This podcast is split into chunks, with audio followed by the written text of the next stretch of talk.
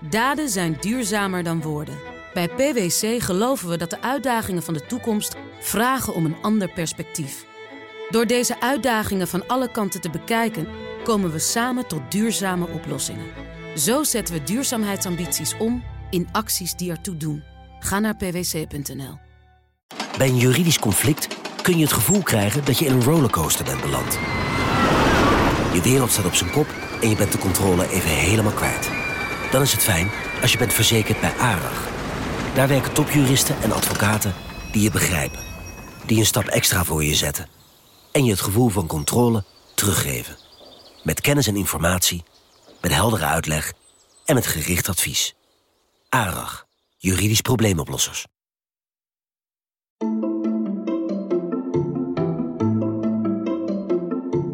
Welkom. Wij zijn Onbehaarde Apen. Dit is een podcast van NRC over wetenschap.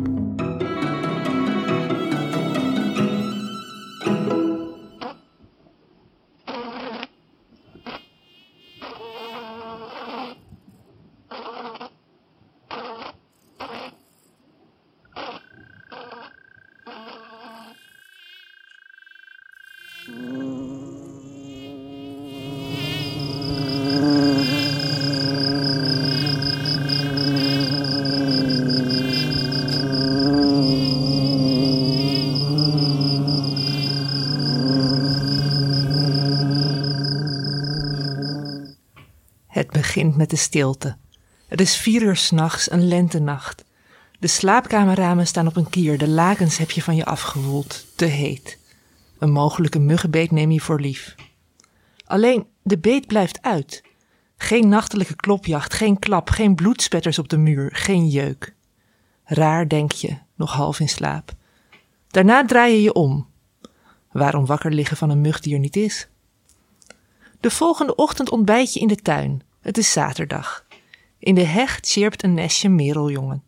Er dwarrelt wat bloesem op de ontbijttafel. De appelboom bloeit dit voorjaar opvallend lang en uitbundig. Maar de bestuivers laten het afweten. Geen gonzende hommels, geen honingbijen. Zeker naar de perenboom van de buurman vertrokken, denk je. Tot je de tuin rondkijkt. Overal zie je ze liggen, de pluizige hommels, de citroenvlinders. Aan de rand van de vijver twee waterjuffers uit de lucht gevallen terwijl ze aan het paren waren. En nergens mieren om ze op te ruimen. Ja, prachtig. Maar ik wil eigenlijk gewoon verder luisteren. Maar gelukkig heb ik je stuk al gelezen afgelopen zaterdag. Want dit is het begin van eh, jouw verhaal over eh, nou ja, insecten Armageddon. Dat stond er bijna boven. Ja, wat als er geen insecten meer zouden zijn? Ja. En jij hebt je eigenlijk ingebeeld. Je hebt met experts gepraat. En ehm, ja, toen heb je eigenlijk bijna dit science fiction verhaal geschreven over wat er dan gaat gebeuren en hoe onze wereld gaat veranderen. En nou ja, voor mij zaten er wel een paar verrassende dingen in. Maar ik, ik, ik wilde eigenlijk eerst aan jou vragen. Wat, wat viel jou nou zo op? Wat had jij niet verwacht waar insecten zo'n grote ongemerkte rol in spelen? Nou, ik zat alleen al aan mijn kledingkast te denken. Dat je inderdaad, als je geen katoen meer hebt, want katoen wordt ook bestoven door insecten. Ja, dan moet je opeens eh, de hele zomer in wol en polyester gaan rondlopen zometeen. Dus het gaat, het gaat eigenlijk meer kriebelen. Ja, het is wel erg dat ik alleen aan mijn kleding denk.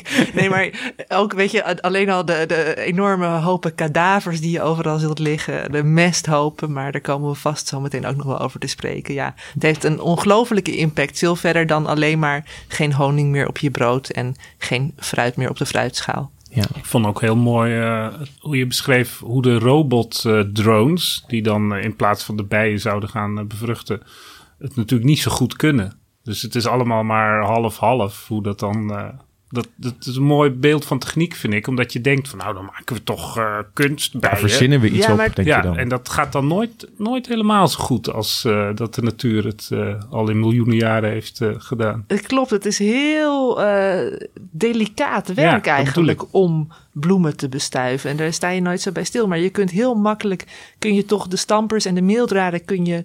Wij zeker als lompe mensen, ik bedoel, het wordt ook wel met kwastjes gedaan af en toe. Maar ja, dan beschadig je van alles. Nou, we gaan nog deze wereld zonder in- insecten gaan we deze aflevering nog veel verder verkennen.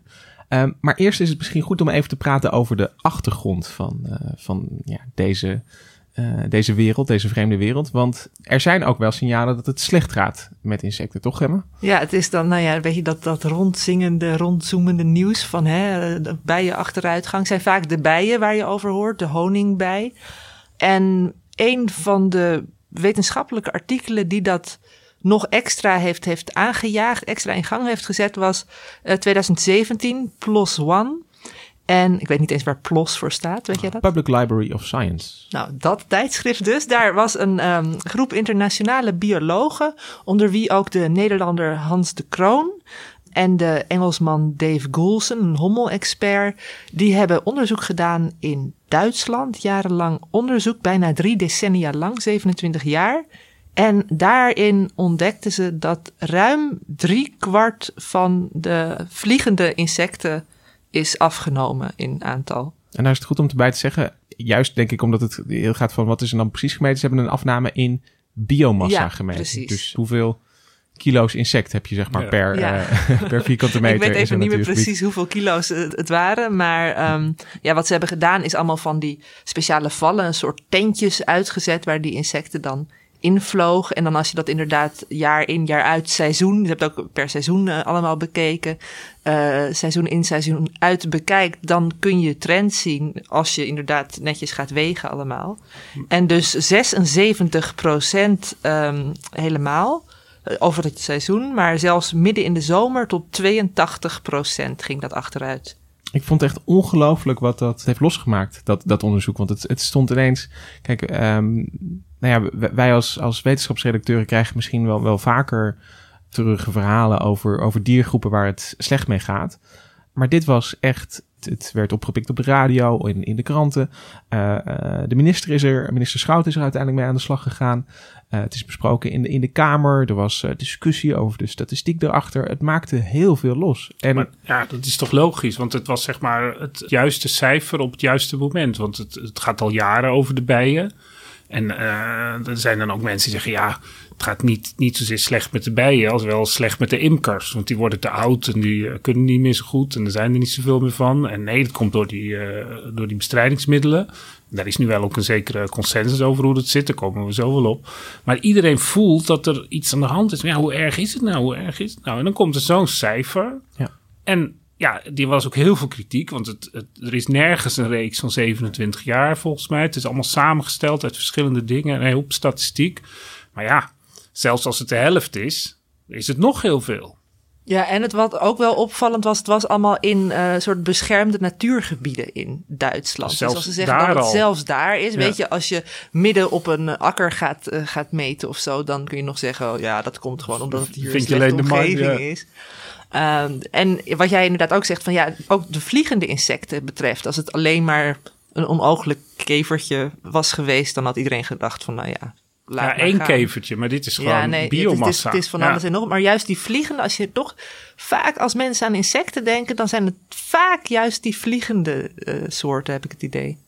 En het is natuurlijk een klassieker van de natuurbescherming. Want volgens wat was het, 1961? Silent Spring, dat boek. Wat was bom? 71 volgens mij, ja. Eh, begin jaren 70, ja. Nou ja, dat viel als, sloeg als een bom in. Dat er door de DDT zouden er geen insecten meer zijn. En dus geen vogels meer. Nooit meer. En dat, dat was volgens mij echt het... eh die stilte. Begin Maar jaren 60, ja. Ja, ja, Silent Spring, inderdaad. waar jouw ja. stuk ook mee begon. Ja, de insecten en dan wat je, ja, dat de hele gevolg van dan ook geen vogels meer die de insecten eten enzovoort enzovoort. Ja, Ik, wat ik ook wel mooi vond om te zien is, wa- wat je net al zegt, er is nergens op 30 jaar gemeten. De, de, de onderzoekers waren hierbij heel erg afhankelijk van de vrijwilligers die eigenlijk in hun eigen tijd insectenvalletjes uitzetten en eh, verzamelen. En eh, wat er toen, nadat het in, in de Kamer was besproken en, en Schout een opdracht, eh, minister Schout een opdracht had gegeven, is, is er eigenlijk in, in Nederland is er ook gezocht naar, eh, hebben we ergens ook hier plekken waar zoveel eh, geteld wordt en waarin dat jaar in jaar uit gedaan wordt. En toen zijn er toch een paar plekken gevonden. En nou ja, daar, daar zag je ja, vergelijkbare trends. In sommige groepen wel, in andere groepen niet. Vooral nachtvlinders hadden het zwaar geloof ik en loopkevers. Maar je bent wel van afhankelijk van, van mensen die elke week een doek ophangen of Ja. een, een, een potje neerzetten. En, ja, eh, die zijn zo toegewijd. ja, Er zijn zoveel mensen bezig met het tellen van insecten Ja, in maar Nederland. insecten zijn ook zo interessant. Het is zeg maar de, de wilde natuur bij jou onder de tegel, zeg maar. Het is de oerwoud eh, in miniatuur. Ja, en, en, en toch heb je hier een soort bias in, in hoe knuffelbaarder insecten zijn, hoe beter ze geteld worden. Dus je ziet wel een, een soort uh, vlinders. Knuffelbare uh, insecten, hoor ik dat goed? Ja, dat hoor je heel goed. Ja, Er zijn- hommels, vlinders. Ja, Ja, precies. Gebber weet precies wat ik bedoel. Want, Harige som- rupsen. want, Ja, sommige, Twijfelgeval. Ja. sommige insecten zijn nou gewoon eh, wat, wat, wat leuker om, om te zien. En, en, Ja, de eh, kevers natuurlijk. ja, maar, maar wie telt eh, eh, de, de, de buismuggen of de bochelvliegen? Of, eh, nou ja, de, Bochelvliegen, bestaan die echt? ik geloof het wel. Ik Ja. zie ze gelijk voor me.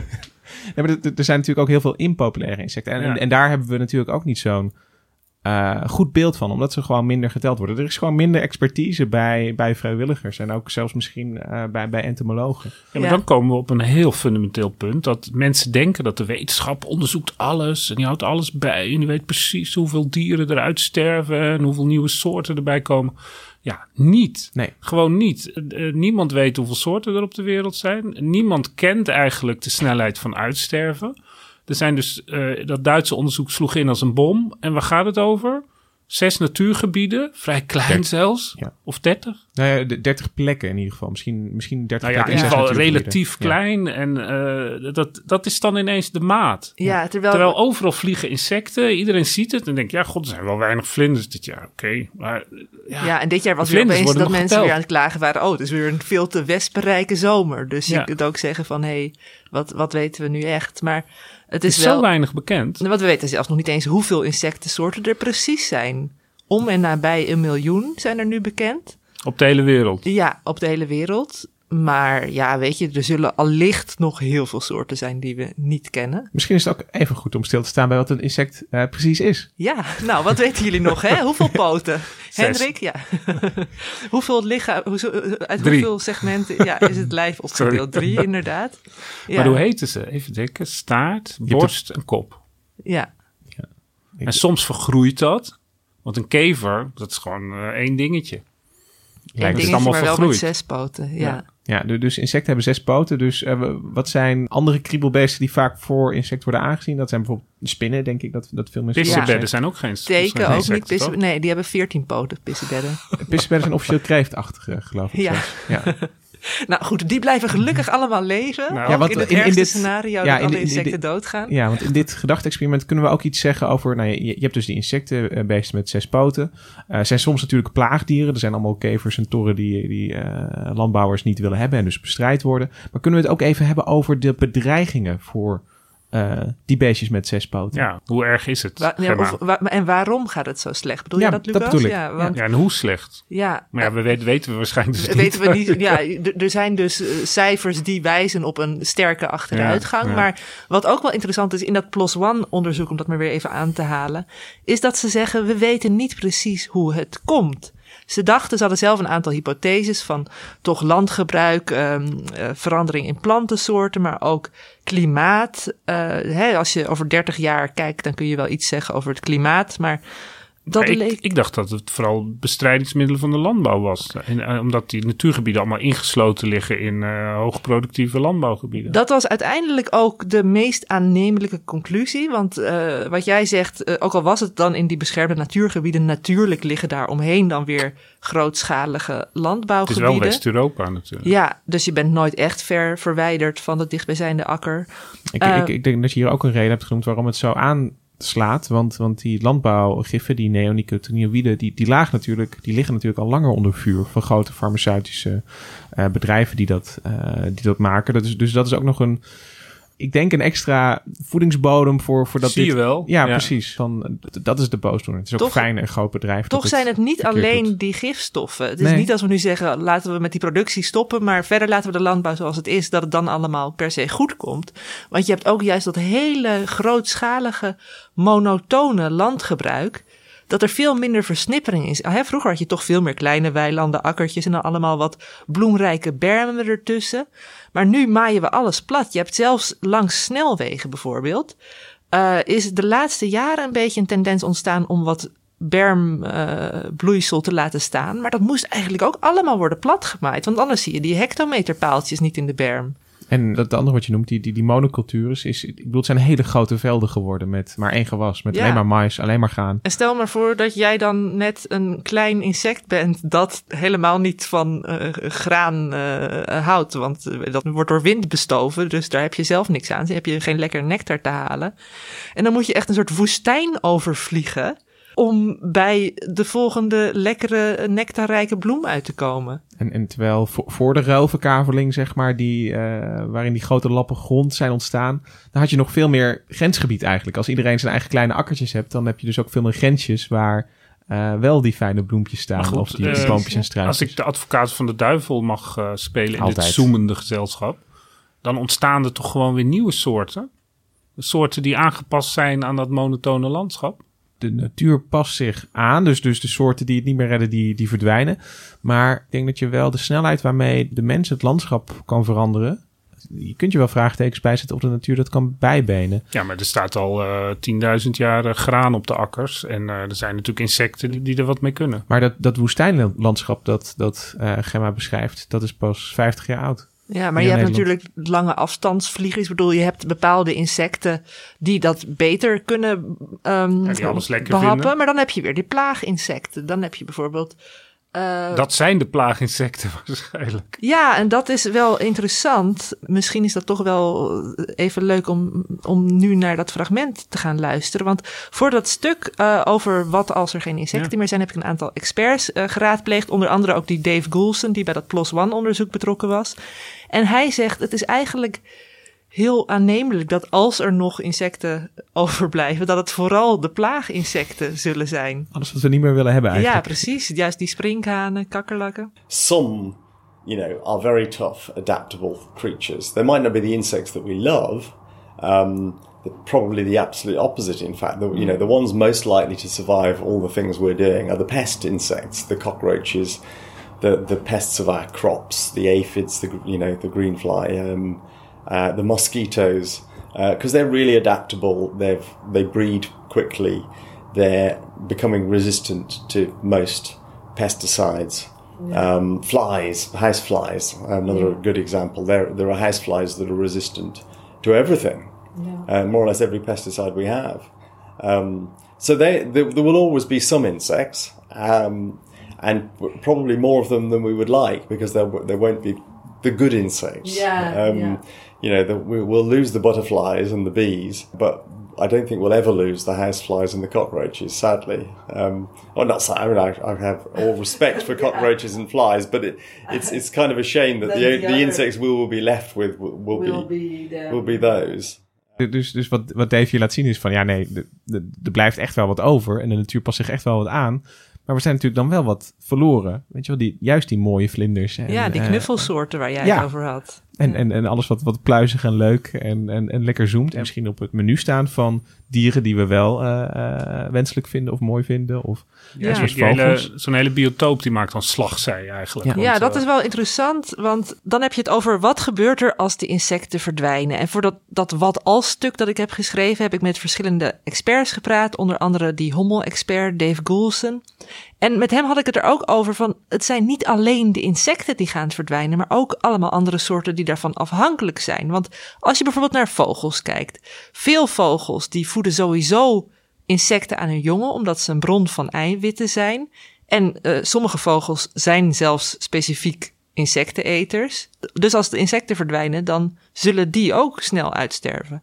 So if we didn't have insects, then most of our bird life would disappear. Most amphibians, things like frogs, would go. Fish, most uh, certainly freshwater fish, mostly insects. Um, so things like trout and salmon would would have nothing to eat. No, normally like mosquito larvae. Lots of all sorts of aquatic insects. Mayflies are a favorite food of uh, fish, but there are lots of other aquatic insects that they love to, to eat. So they'd all be gone. And bats probably. Bats, of course, they're- almost 100% of bats would be gone. There are one or two weird ones that eat non insects. Yeah, there's, a- the there's a frog yeah. eating bat, but then that would die Yeah, because the- the frogs wouldn't have anything to eat. The, fruit eating bats would die because There'd be nothing to pot. Exactly. So the whole, everything, the whole food chain would collapse. You know, life is a, is a complicated web of mm. interactions. If you take out two thirds of all the species in that web, then the whole thing will fall apart. Dat was wel een vrolijk gesprek, of niet, Ja. met die Coulson? Jullie hebben Het samen is een de... hele opgewekte man hoor. Oh ja, Het die etenkikkers, hele- oh nee, die bestaan dan ook niet meer. Nee, het, is, eh, het, het- het wordt een hele kleurloze wereld eigenlijk als je eh, met hem in gesprek gaat. Want nou ja, dit ging dan vooral natuurlijk over de diersoorten. Maar als je het nog even specifiek over de planten hebt. We hebben het net al eventjes gehad over die paar gewassen die dan door de wind worden bestoven. eh, graan en zo. Je hebt veel bomen ook wel. Blijft heus wel wat groen over. Maar al die kleurrijke bloemen die bedoeld zijn om eh, vlinders, bijen te lokken, die zullen allemaal het loodje leggen. En nou ja, het was wel leuk, Hendrik, want jij had het net al even over die robotbijen. Hè? Mhm. En die worden ook daadwerkelijk al wel ontworpen nu. Je hebt de Amerikaanse supermarktketen Wal- Walmart. Walmart, ja. Die eh, heeft zelfs al patent aangevraagd op robotbijen. Zelf. En aan Harvard zijn ze druk bezig met het ontwikkelen van robotbijen. Van Delft kreeg ik deze week te horen dat ze bezig zijn met een soort robot-fruitvlieg. Dus eh, er wordt wel wat gedaan. Maar je noemde het net al, het is, ze zijn veel minder efficiënt. Eh, ik had het daar ook nog even met Dave Goulson over. I've seen pictures. I haven't seen them in real life. Um, they're not very good as yet. But I, you know, the cost, the environmental cost, the actual economic cost of building, you know, the trillions of, of robot bees one would need to replace the real thing is, is you know, uh, when we've got real bees, which are very good at pollinating, why on earth would we be thinking we should replace them with, um, with, with something we can build? En even voor Voor de, een vrolijke... Ja.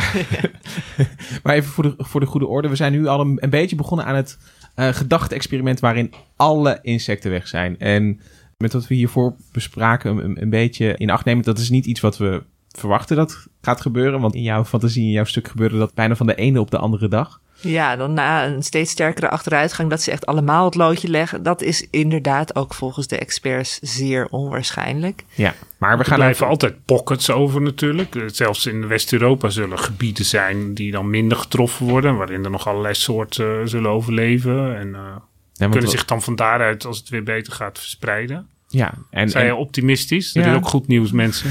Mensen die in vlinders gaan handelen. Zo van, wil je nog eh, een paar dagbouwogen van mij kopen? en dan in kooitjes houden en dan... eh, Kan ook economische groei be- bevorderen, zei je cynisch. Ja, er ontstaan altijd nieuwe kansen natuurlijk in een... eh, in, Nou, pak die wereld. vliegenwebber maar, jongens. We gaan even een rondje maken buiten. Ja. Nee, maar even eh, in het gedachte-experiment halen we alle insecten weg. Juist om even te laten zien waar ze eigenlijk allemaal belangrijk voor zijn. En, en welke eh, ja, gebieden je aan moet denken die getroffen zullen worden. En, en wat, wat Coulson hier mooi laat horen is, is dat we echt wel... Nou ja, iedereen met een appelboomgaard of zo, die, die, die zit toch wel in de problemen, eh, lijkt me. Als, als, als alle bestuivers vervangen zouden moeten worden door kleine Ja, en de robotwerkertjes. katoen. Ik vond dat, dat vond ik nou wel, wel een, zeg maar een eh, appeal... eh, hoe zeg je dat? Een, een, de een- schellen vielen van je ogen?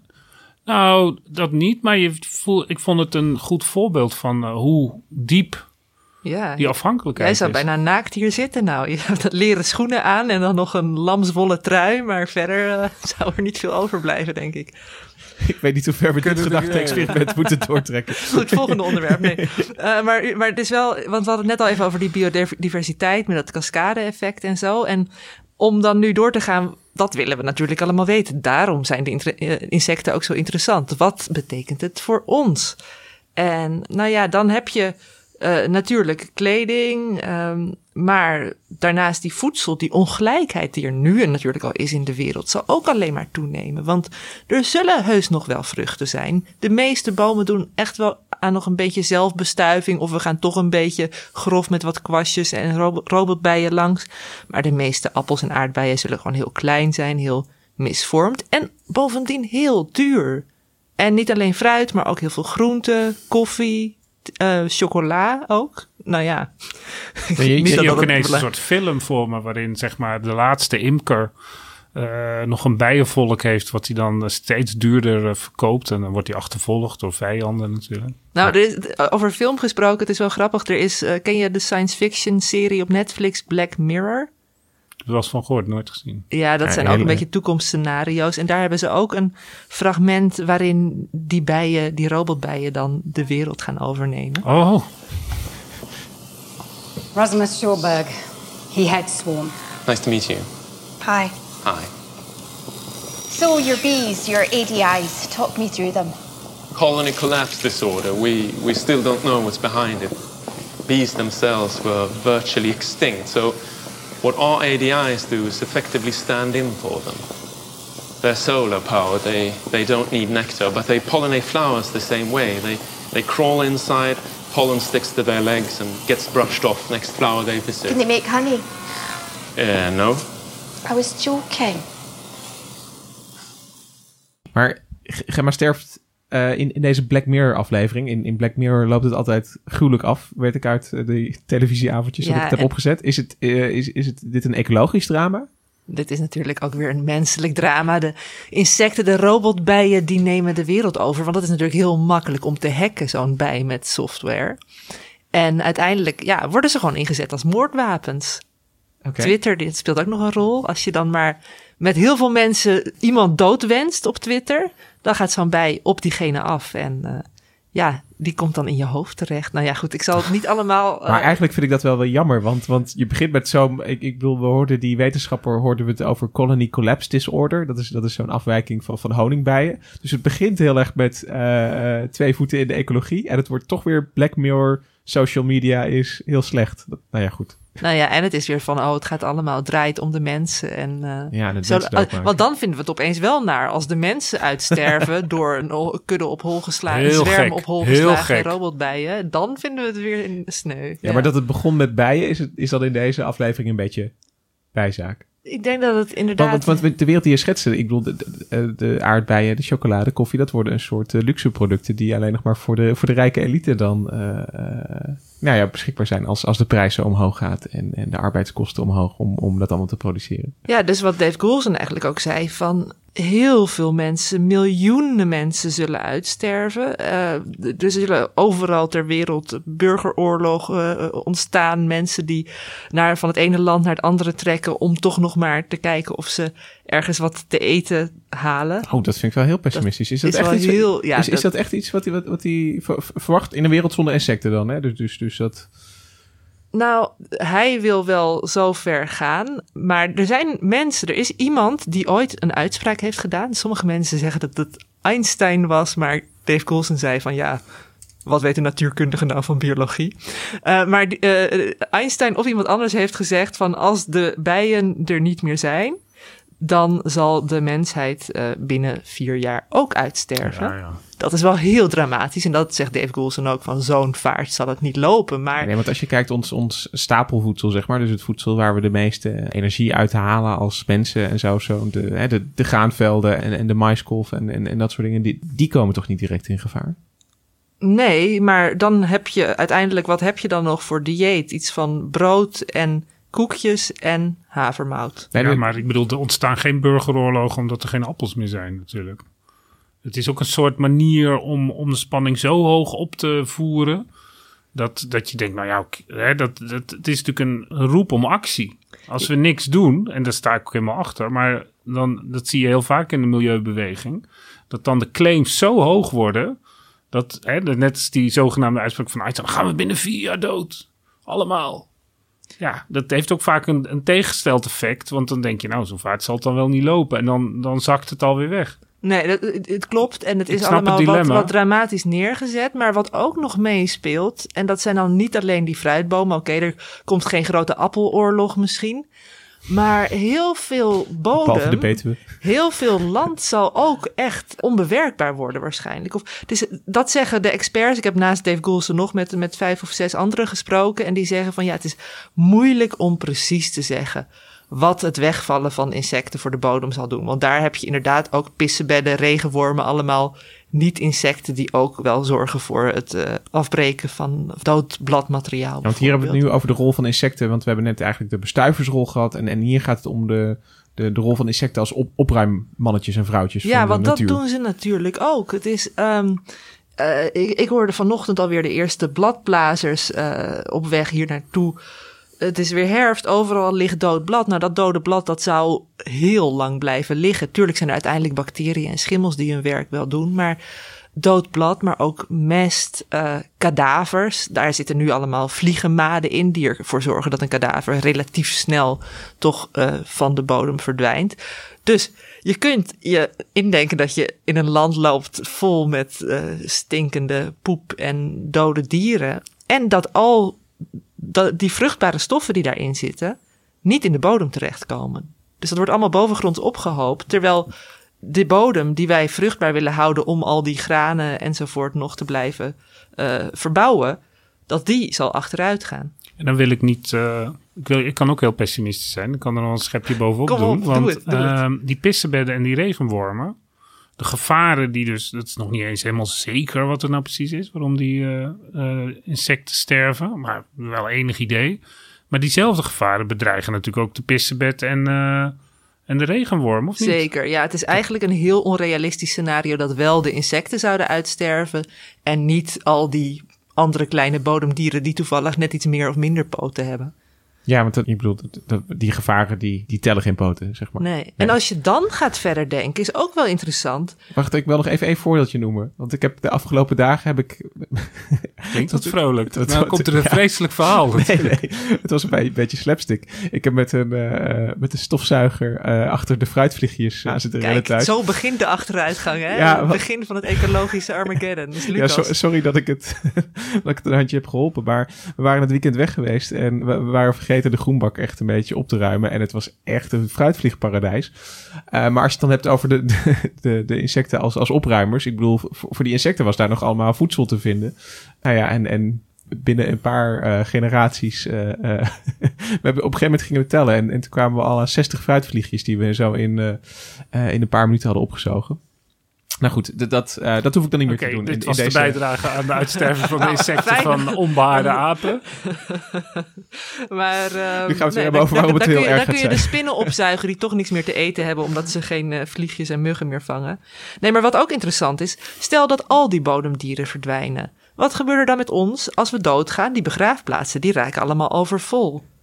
Ja, dat, en, en dan denk ik lijkt toch me van, het minste van, probleem. Ja, Ja, we gaan cremeren. Ja, dat dan gaan we okay. cremeren of iets ja. anders bedenken. Maar het is leuk om... Maar goed, uh, we hebben nog veel meer. En de zee, Gemma, de, de zee, leven daar ook insecten? De zee blijft eigenlijk relatief voorlopig zoals hij is, Oh. uh, zeggen de onderzoekers. Als Insecten je... zijn er toch wel een, een beetje een, een, landuitvinding. Ik bedoel, ze, ze hebben weinig te, te, te, zeggen over de zee. Ja, Top? ik bedoel, het zou kunnen dat er misschien een zeevogel met wat... Uh, ik kan me voorstellen de, de vissen die voor een deel van een, uh, die deels in oh, de zee ja. en deels in zoetwater leven. Spieringen, zalmen. Spieringen, ja. Ja, spiering zal uitsterven. Ja.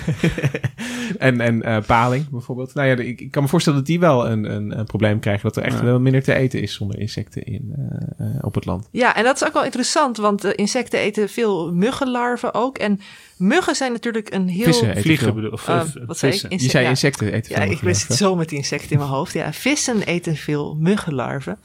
En um, een van de experts die ik ook heb gesproken is Bart Knols. En die is hoogleraar in Nijmegen. En hij kijkt heel erg naar insecten als de overbrengers van pathogenen, van ziekteverwekkers. Uh, vooral bij muggen.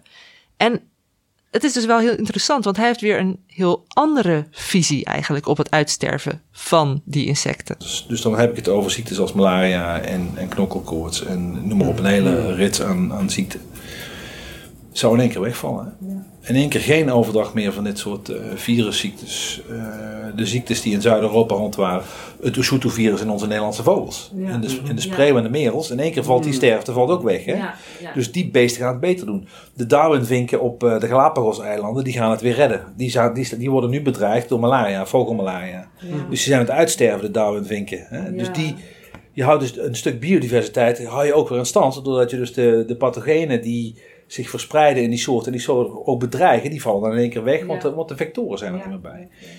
Dus we hebben natuurlijk een aantal invasieve exoten. Hè. Denk aan tijgermug, maar een hele hoop soorten muggen zijn over de wereld verspreid door humane activiteit dan wel door klimaatverandering. Mm. Uh, zijn in nieuwe gebieden terechtgekomen en, en creëren daar een hele hoop ellende. Ja, Onder mens en dier. Hè. Dus mm. als dat in één keer zou wegvallen, dan, dan ja, komt daar een heel, heel positief verhaal voor terug. Ja, dus dit is eigenlijk de, de misschien moeten we even de, want, want Knols gebruikt hier een paar uh, moeilijke woorden. Pathogeen is een ziekmaker, uh, gewoon alles wat een mens ziek kan maken. Ja, hoor je hoe vaak ik ja zeg? Ja, dat komt omdat ik aan het luisteren was uh, zonder dat ik wist dat het in de podcast gebruikt zou worden. Ja, als je, ja, dat is. Nee, goed. Ik, ik vind het wel gezellig. Ja, maar ik, inderdaad. Ik ken mezelf ook heel pathogenen uh, zijn ziekmakers. En wat hadden we nog meer? Uh, vectoren, dat zijn uh, nou ja, de, de, de overbrengers, van, ja. de, van, van, ziekmakers. Maar goed, Bart... maar de muggenprofessor die ziet het wel zitten eigenlijk. Ja. nou ja, er is ook slecht nieuws. dus dat maakt het wel, het zet het wel in balans. Maar maar hij, hij Geen had malaria dus, meer. Ja, hij had dus juist oog voor de, leven, de mensenlevens die gespaard zouden zijn eigenlijk zonder Ja, daarna hadden we het nog bijvoorbeeld over uh, het CC-vliegen en wat was het ook weer, buffelvliegjes. Nou, die uh, veroorzaken onder andere rivierblindheid en weet ik veel wat. En hij zei, als die uh, insecten er niet meer zijn, dan is heel veel gebied waar mensen nu eigenlijk niet goed het land kunnen bewerken. In Afrika bijvoorbeeld, omdat ze dan te veel risico hebben op die ziektes. Wordt opeens wel weer te bewerken. Dus wie weet kunnen we daar heel veel extra graan en zo gaan verbouwen. En, en, en het uitgroeien van muggen is wel degelijk het doel van sommige mensen, toch? Ik, ik bedoel, er wordt de van alles bedacht. Wel, ja, ja de, de, we hadden toch deze week Zeker, uh, hadden ja. we een stuk over uh, genetici die met een soort met CRISPR-Cas, uh... ja, met een soort onvruchtbaarheidsgen willen inbouwen, waardoor die, die, die, die populaties instorten. Ja. Dus, Terwijl die arme muggen er eigenlijk ook niks aan kunnen doen. Ze zijn alleen maar de. don't blame the messenger. Ze zijn alleen maar de overbrengers van de ziekte. Niet de. Maar goed, dat je nu alles bij elkaar zet, dan krijg je een soort overheidsrapport van uh, de consequenties van het verdwijnen van die uh, uh, muggen en alle andere insecten. En ja, wat, wat is de conclusie? We weten het niet. Het is zo'n complex systeem. Die sterven dan wel uit, dan komt er daar weer landbouwgrond bij. En het, het, is welkom in het Anthropoceen. Er wordt aan een miljoenen jaar oud. Ja. Ja, ja, er wordt aan een miljoenen jaar oud uh, systeem uh, gerommeld en uh, niemand weet hoe het af zal lopen. Heb, heb, heb jij daarover nagedacht, Gemma? Want jij kwam met deze vraag kwam jij naar die experts toe van wat zou er gebeuren als. En ik bedoel, niemand heeft dat ooit doorgerekend of, of, of bestudeerd, kan ik me zo voorstellen. Of je het dus... echt cijfermatig de toekomst ja. kunt voorspellen. Um, nou ja, wat ik interessant vind. Insecten gaan al zo ontzettend lang mee. Wat is het? 300, 400 miljoen jaar. Dat om. Uiteindelijk zal de natuur heus wel veerkrachtig zijn. Ik, ik ga er niet vanuit dat wij allemaal per se door het uitsterven van insecten zouden verdwijnen. Maar het zal lang duren voor die niche weer wordt opgevuld. En ik zou het persoonlijk gewoon heel jammer vinden. Inderdaad, de kleuren die verdwijnen, de geuren die verdwijnen als we bepaalde bloem, bloemen gaan missen. Maar ook alleen al het gegons van insecten. Voor mij is dat toch een beetje lente, zomer. Juist de angst als je limonade drinkt op een terras van zou er nu een wesp aankomen, dat maakt het leven ook een beetje spannend. Nou ja, voor mij is het denk ik, ik, ik vind het onwaarschijnlijk dat alle insecten zouden, zouden uitsterven. Dat, Zeker. Ja, er is een stemmetje in, in, in, mijn hoofd dat, dat, dat er bij al deze gedachte-experimentjes toch blijft zeggen van ja, maar, maar ze gaan er niet allemaal aan. Het, het, het, punt is alleen is dat je niet weet, kijk als je het hebt over, over een teruggang van, van 75% en of dat nou uh, 60 of, of, of 80 is, je weet gewoon niet wat dat voor gevolgen heeft. En dat blijft het wel moeilijk maken om je voor te stellen wat je zou moeten doen ook om het tijd te keren of ja, zo. Want dat, dat is, het is eigenlijk allemaal retorica om nu te beslissen wat gaan we doen. Ja, maar ik vind dat hier Vinden we het heel erg als de 30 oud adagium geldt. Uh, baat het niet, dan schaadt het ook niet. Ik bedoel, als we allemaal een beetje beter ons best doen om onze tuinen wat insectenvriendelijker te maken, tegels eruit, bloemen erin. Als we inderdaad projecten stimuleren, zoals van de Vlinderstichting, die hadden een project Mijn Berm Bloeit, om de bermen langs wegen wat minder vaak te maaien ja, echt veel kwaad zou het niet kunnen. En als we allemaal inderdaad geen uh, gifstoffen gaan gebruiken, maar uh, weet ik veel, biologische methodes. Wat, wat is er erg aan? Ik bedoel. Ja, maar waarom gebeurt het dan niet? Nou ja, hoeveel het, hoeveel het, staat er op de begroting voor insectenbescherming? Het, het, antwoord is natuurlijk dat er mensen zijn met belangen om, om niet... Kijk, de landbouw hebben we zo hervormd omdat die zo meer winstgevend is.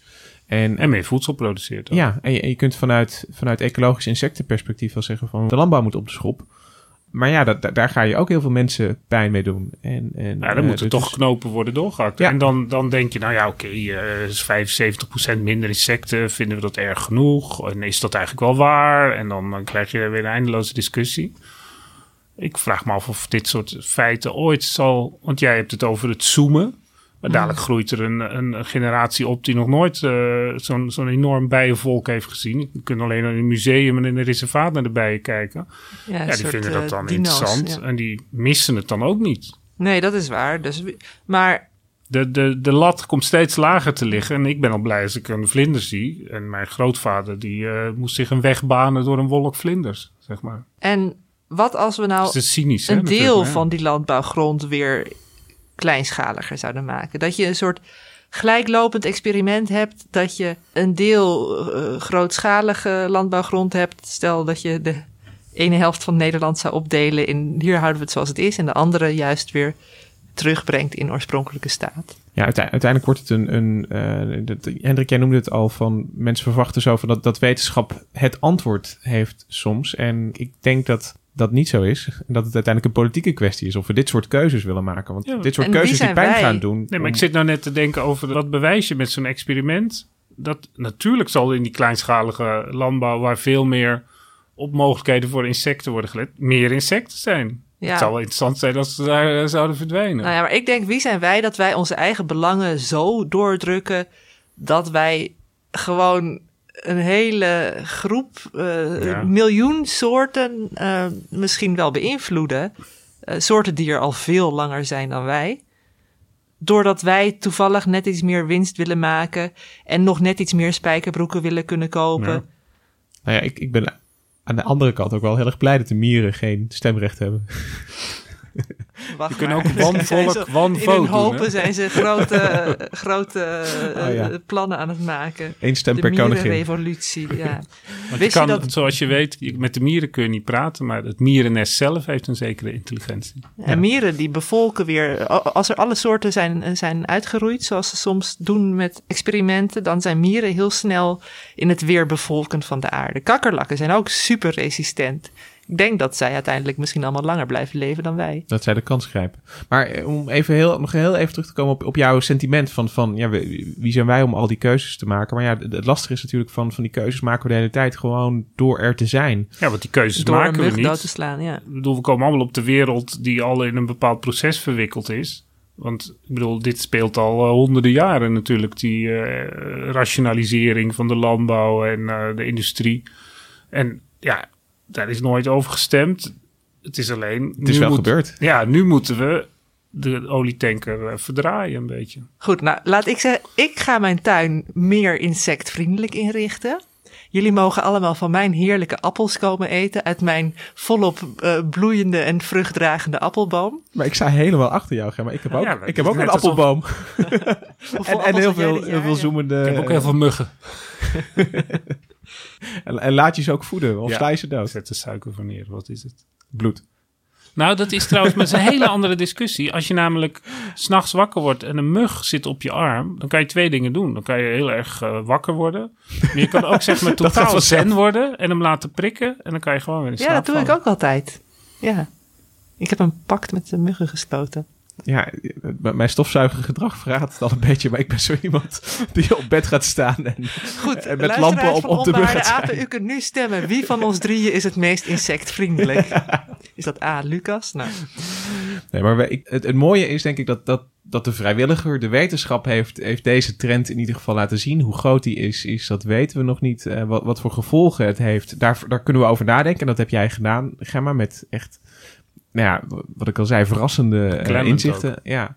En eh, nou, ik, ik ben heel benieuwd om, om te gaan zien gewoon hoe dit... eh, je, je ziet dat het politieke draagvlak voor zo'n verbod op landbouwgiffen, dat, dat, eh, dat is er. Dus we hoeven ook niet hopeloos te zijn en zeggen er verandert nooit iets en, en, en, en we doen het niet.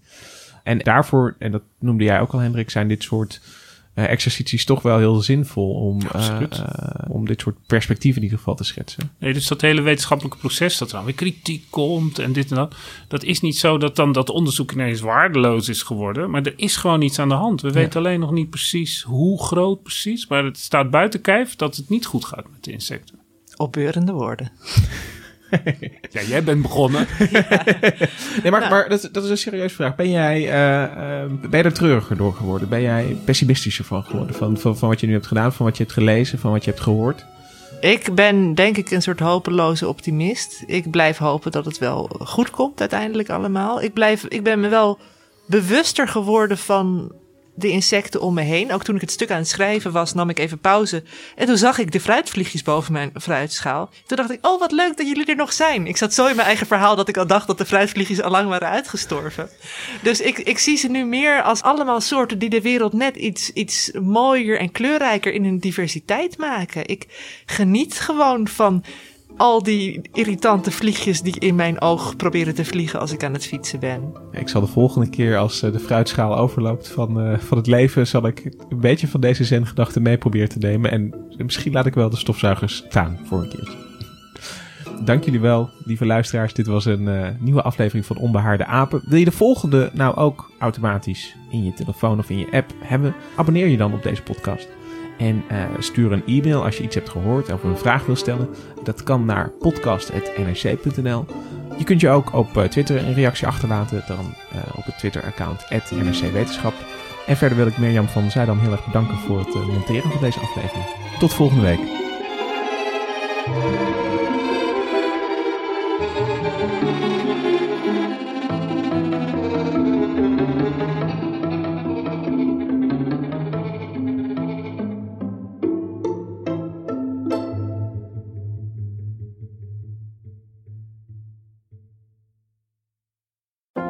Maatschappij waarin iedereen meedoet. Een gezonde, groene en rechtvaardige wereld. Daar willen jij en heel veel andere mensen best iets aan bijdragen. In het klein en in het groot. Dicht bij huis en ver weg. Zo hebben we vorig jaar 349 miljoen euro bij elkaar gebracht. Miljoenen waarmee onze goede doelenpartners de wereld elke dag een beetje beter kunnen maken. Nationale Postcode Loterij. Samen voor een betere wereld.